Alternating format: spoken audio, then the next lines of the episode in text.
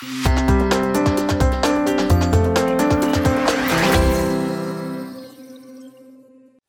har valgt til Europaparlamentet i maj 2019. Inden da præsenterer vi fire kandidater, og det er en fra Socialdemokratiet, en fra Alternativet, en fra Venstre, og så i dag Philip Tarning Andersen fra det radikale Venstre. Philip, 29 år, er fra digteren Dan Tyrells hjemmeegn, født i Vangede, student fra Solrød Gymnasium og kandidat i fysik og meteorologi fra Københavns Universitet. Philip har jobbet på Danmarks Meteorologiske Institut i hovedstaden i Grønland, og siden 2016 været ansat ved Neas Energy i Aalborg. Ja. Philip, øh, du har skrevet til mig, at din øh, karriere startede i 2014, provokeret af Morten Messerschmidt og Dansk Folkeparti. Hvad provokerede dig? Øhm, det var sådan den, øh, hele, hele den historie, de ville fortælle om EU som noget negativt, som noget dårligt. Øh, det, det synes jeg slet ikke var rigtigt sådan rent faktuelt, og det, det var også sådan, de værdier, de gik ind på, det var nogle helt andre end dem, som jeg, øh, jeg gerne vil repræsentere. Ja, og det fører mig så selvfølgelig frem til, hvilke værdier repræsenterer du? Hvad vil du i EU? Jamen, øh, nu er jeg jo allerede i EU, det, det er vi jo sådan set alle sammen som danskere. Øh, men, men det jeg gerne vil sådan, også i, i parlamentet og fortælle omkring, øh, omkring EU, det er sådan alle de positive historier, vi får rigtig meget ud af vores medlemskab, øh, adgangen til det indre marked, muligheden for at kunne samarbejde på tværs af grænser omkring blandt andet klima og miljø. Det er en af dine hoved, øh, hvad hedder det, temaer, Ja. miljøet. Ja. Hvad vil du gøre ved miljøet i EU som en af de hundredvis af parlamentarikere? Jamen, øh, det jeg tror, jeg specifikt kan bidrage med, det er netop, at jeg er metrolog og har den her øh, naturvidenskabelige tilgang til det, og har hele sådan den videnskabelige forståelse af, hvordan vores atmosfære øh, fungerer, og hvordan øh, klimaforandringerne også sådan skal forstås i videnskabelig kontekst. Øh, og det er der faktisk ikke, sådan, så vidt jeg kan se, nogen i parlamentet i øjeblikket, der rigtig har. Øh, så der vil jeg ligesom kunne bidrage med, med en helt ny vinkel her, øh, for at vi ligesom kan få gjort noget ved, ved i særdeleshed klimaforandringerne, som jeg virkelig synes, at, øh, og som også var det, der motiverede mig til at stille op, at det er næsten for sent at vente til at valget om fem år med at gøre noget ved det. Vi skal gøre, have gjort noget nu. Ja. Kan du konkret sige, hvad vi kan gøre sådan øh, på kort og på længere sigt?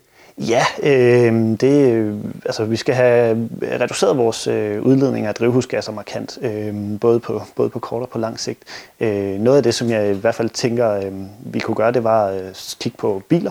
Øh, der er rigtig, rigtig mange benzin- og dieselbiler, og øh, der er brug for, at øh, den branche får at vide, jamen nu skal I altså til at udfase dem. De er sådan lidt i gang allerede, men det går en kende langsomt.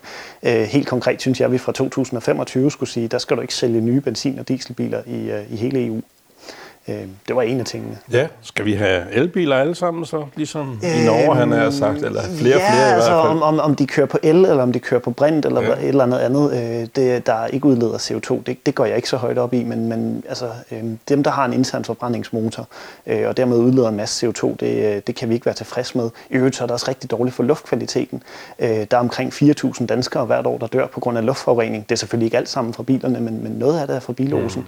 Mm. Øh, og det vil også kunne give os renere luft, hvis vi, øh, hvis vi også har biler, der ikke udleder skadelige øh, gasser. Er der andre årsager til, at du gerne vil springe fra en øh, miljøordførerpost i det radikale venstre, skal vi sige en kometkarriere i partiet, og så til den lidt større scene i Strasbourg og Bruxelles?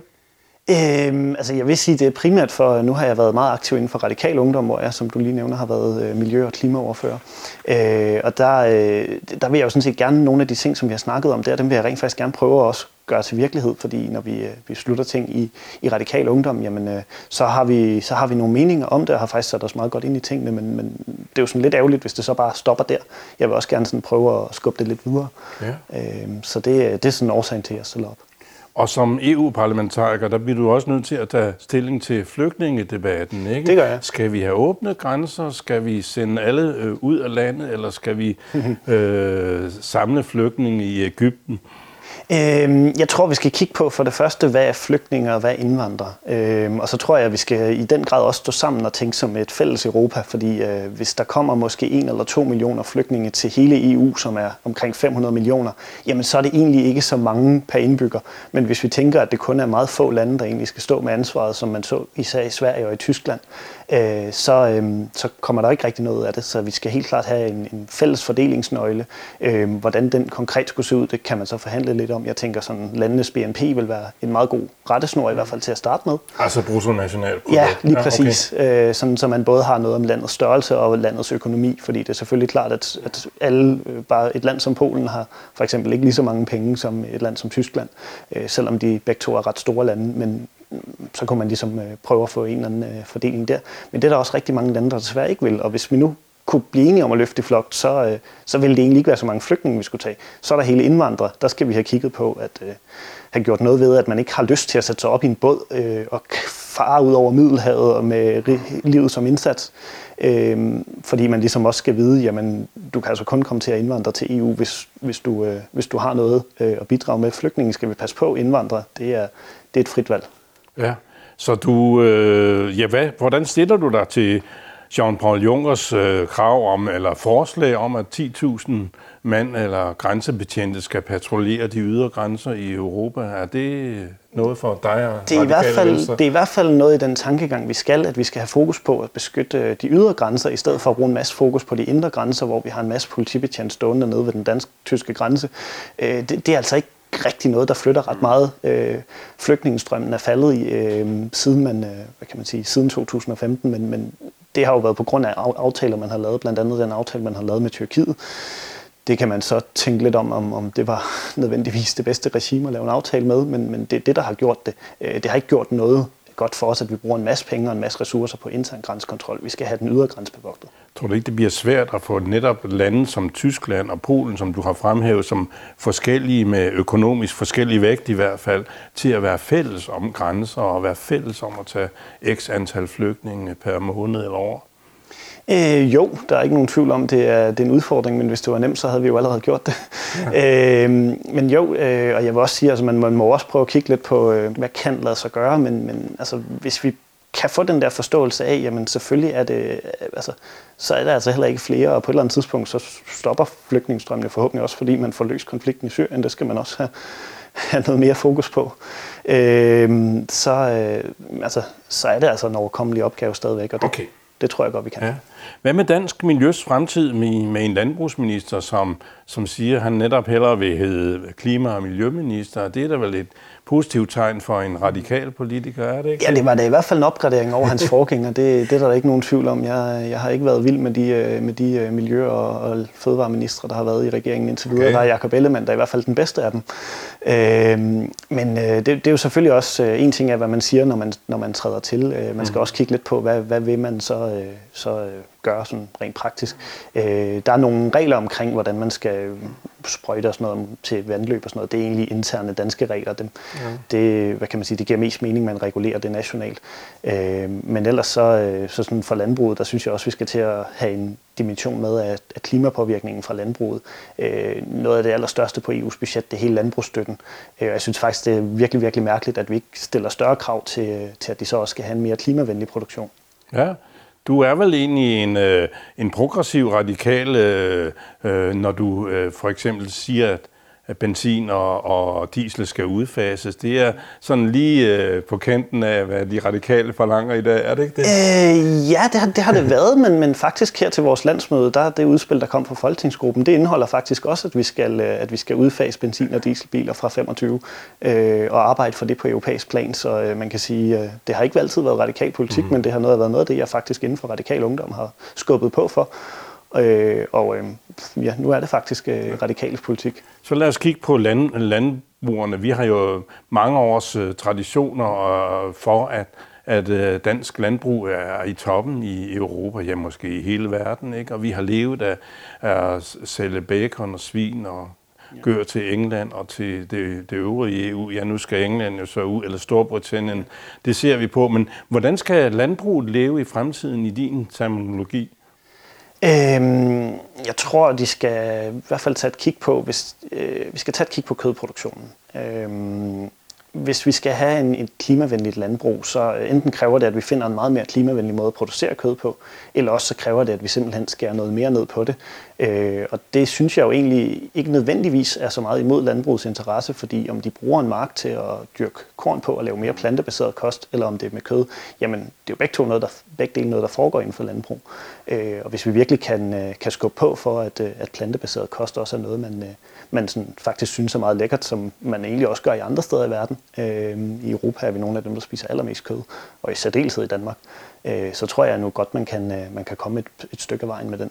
Øh, og især også inden sådan nogle lande som Japan og øh, Kina og Indien lige pludselig vil have en hel masse mere kød, fordi det er sådan, vi gør i Vesten. Du siger, at dansk landbrug skal være omstillingsparat og gå fra køddrift til plantedrift i større udstrækning? I hvert fald i, i, hvert fald i en vis grad, ja. ja. Øhm, hvad, hvad skal vi gøre med fiskeriet? Har dansk fiskeri en fremtid nu, hvor Storbritannien til marts næste år går ud af EU? Det håber jeg meget, de har, men det kræver jo, at der er nogle fisk at fange også på lang sigt. Mm-hmm. Øhm, fordi øh, det er jo også derfor, de her kvoter, jamen det, det er jo ikke noget, vi gør for at genere folk, men, men jeg kan godt forstå, at det er ret svært at leve som fisker med de her kvoter. Øh, men problemet er jo bare, hvis, øh, hvis vi bliver ved med at overfiske i Nordsøen, øh, eller i hvert fald, hvis vi, hvis vi fanger alt for mange fisk, jamen, så til sidst så er der ikke nogen tilbage, så kan vi gå ud og fange plastik i stedet for, og det kan vi ikke leve af. Nej. Øh, danske fiskere siger jo, at de har øh, årtiers traditioner og tilladelser til at fiske i, i Storbritanniens farvand, men nu går de ud, og skotske fiskere, som vi har talt med, de siger at de vil altså godt have, have større fiskerettigheder selv. Så der sker en konflikt, eller hvad? I, der er ikke nogen tvivl om, det er en af de store udfordringer på Brexit, og jeg vil sige, jeg, jeg er nok ikke lige den, der kan sige, hvad, hvad det her ender med, men, men jeg håber, at det ender med, at man også kan, kan lave en eller anden form for samarbejde, men øh, om man, altså ellers så må man jo tilbage til at fiske i sin nationale farvand, men jeg synes, det er ærgerligt, hvis man på den måde sådan, også har grænsebommen for fiskeri. Brexit betyder stor omvæltning om et års tid. Det gør det i hvert fald. Hvordan skal EU organiseres efter, at Storbritannien er ude af EU? Jeg vil sige, uanset om Storbritannien var med eller ej, så skal man jo kigge lidt på, hvordan, hvordan kan vi gøre EU mere smidigt, og hvordan kan vi få taget nogle beslutninger, i stedet for at blive ved med sådan at stå og træde lidt frem og tilbage på stedet, fordi det tror jeg ikke, der er nogen, der er godt tjent med. Jeg kunne faktisk godt se løsningen være, at vi på nogle punkter også samarbejder endnu mere i, i EU og laver nogle, nogle flere overstatslige samarbejder. Jeg ved godt, det måske ikke er det, der super populært at sige i øjeblikket. Men de her overstatslige samarbejder er bare mere effektive til at få nogle ting igennem, sådan så der ikke er et land, der sidder og blokerer.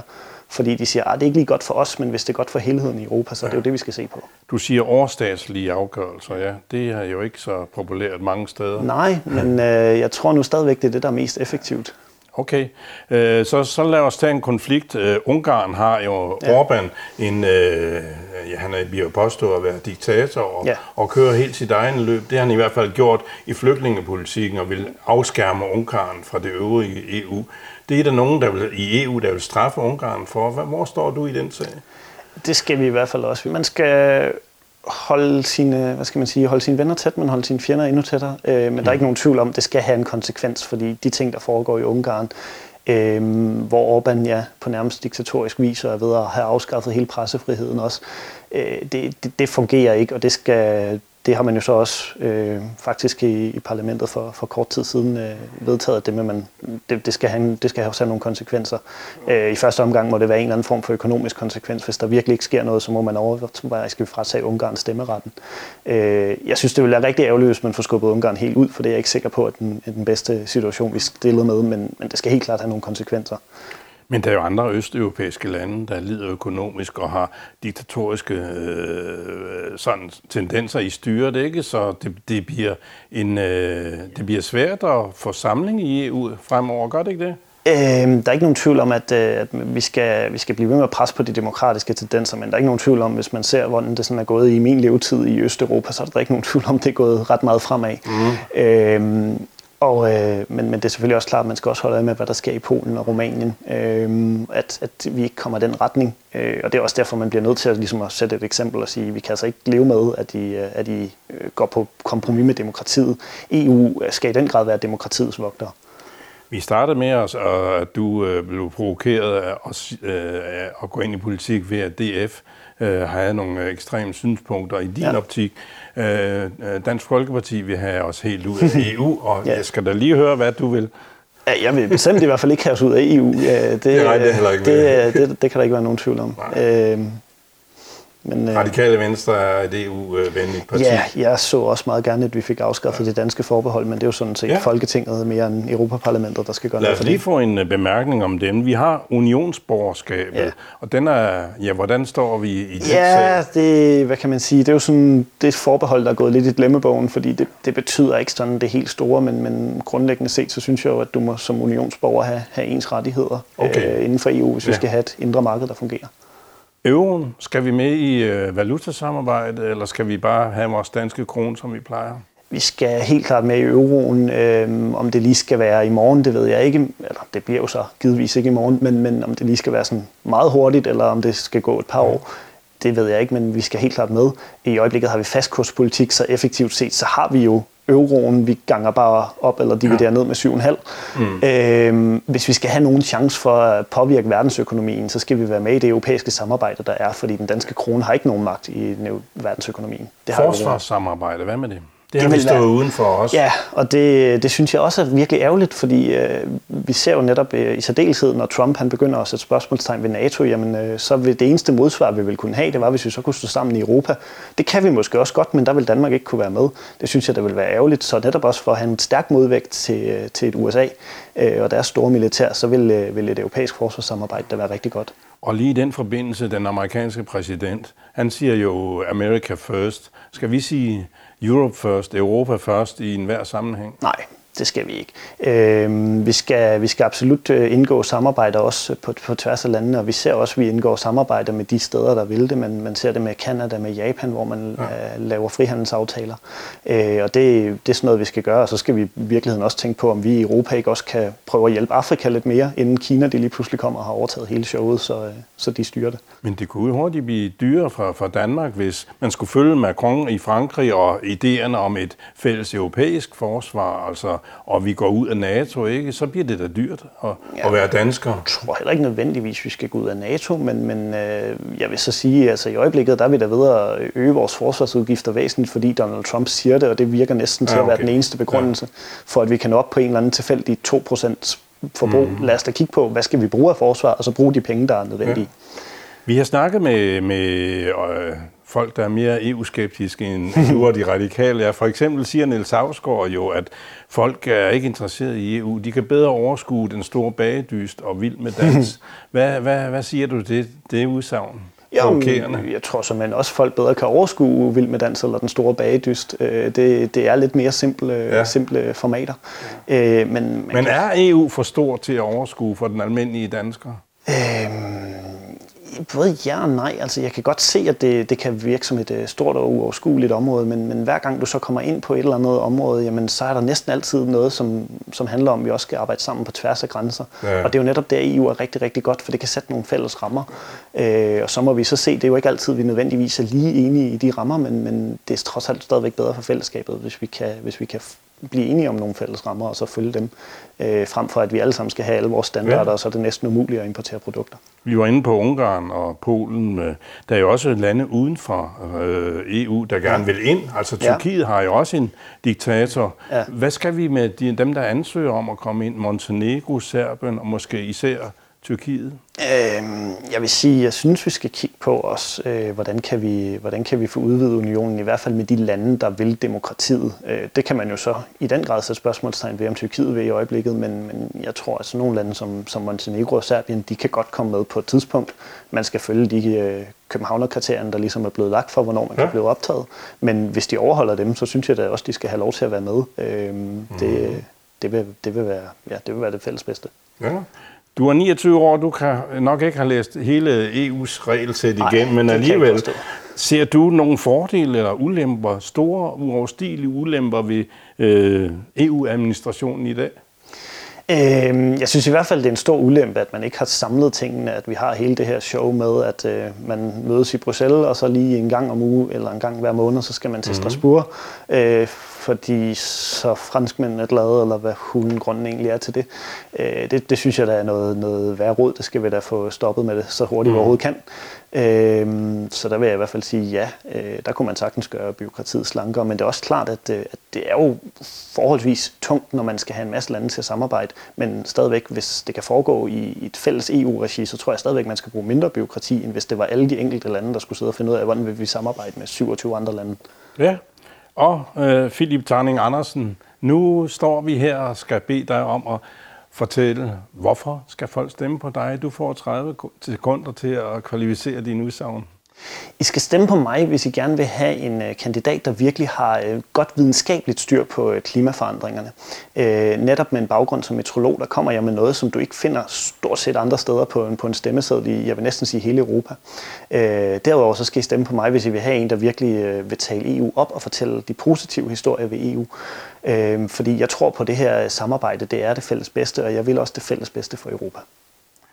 Tak til Philip Thorning Andersen, og tak til seerne. Vi har tre andre tv-debatter, til, eller tv-portrætter på vej. Et fra en socialdemokrat, et fra en venstremand og en fra Alternativet. Tak for nu og på gensyn.